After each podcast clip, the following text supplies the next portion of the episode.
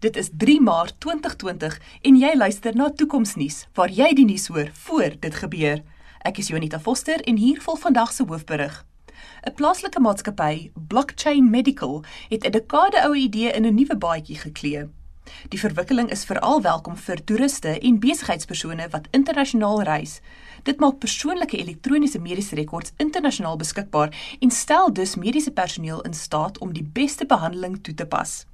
Die beskikbaarheid van die mediese rekords word egter deur elke pasiënt self bestuur deur middel van blockchain tegnologie. In noodgevalle waar 'n pasiënt nie in staat sou wees om die rekords te ontsluit nie, sal mediese personeel van slim kontrakte gebruik maak om toegang te bekom. Pieter Geldenhuys is saam met my in die ateljee om te verduidelik watter voordele hierdie verwikkeling inhou. Welkom Pieter. Hallo Junita. Pieter, hoe verskil die blockchain medical benadering van hoe dit oor die afgelope 10 jaar gedoen is? Junita, ons sien dat al hoe meer eh, mediese rekords elektronies gestoor word, die wat nie op papier of ou ekstrale gebaseer is nie, maar hierdie data is normaalweg op 'n bediener iewers gestoor. En die individu aan wie hierdie data behoort, het nie eintlik toegang of om te weet wie anders na sy data kyk nie.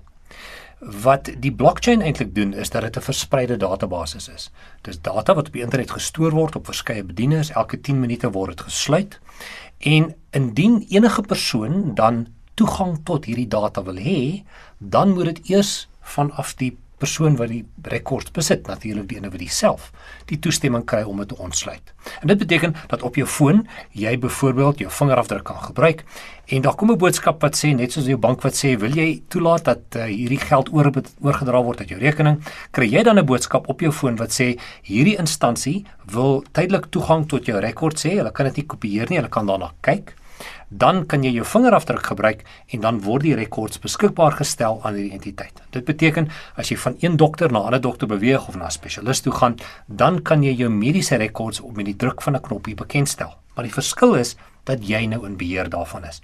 Dit word op 'n gedistribueerde database, die blockchain gestoor in 'n geïnkripteerde formaat. So niemand kan toegang daartoe kry daarna. Kyk nie, jy moet met jou vingerafdruk of met jou sleutelwoord dit ontsyfer en dan beskikbaar stel aan sekere individue wat jy kies. Nou Pieter, dit klink nou vir my bietjie ingewikkeld. Wat nou van van as jy nou 'n bietjie van 'n tegnofoob is en jy's nou nie heeltemal seker hoe al hierdie blockchain en en goeders werk nie.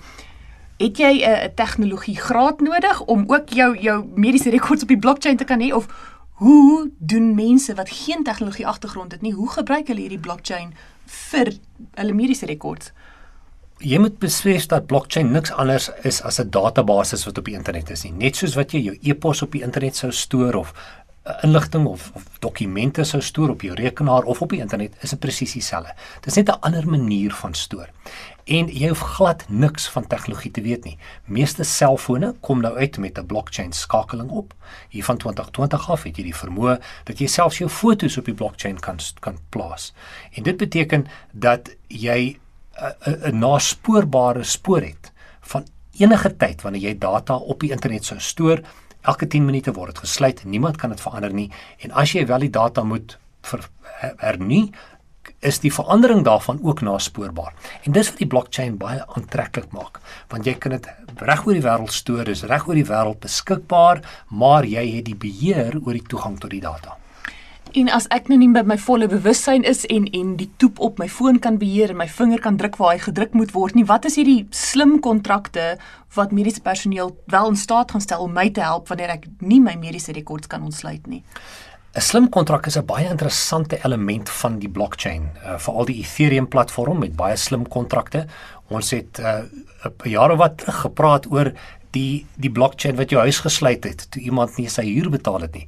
Maar die slim kontrak uh, gee vir jou die vermoë om sekere reëls op te stel en as aan hierdie reëls voldoen word, dan word outomaties aan iets uitvoering gegee. Dit beteken as jy op 'n sekere punt kom, het jy nie 'n ander persoon of 'n ander entiteit nodig om toestemming te gee om sekere rekords vry te laat nie.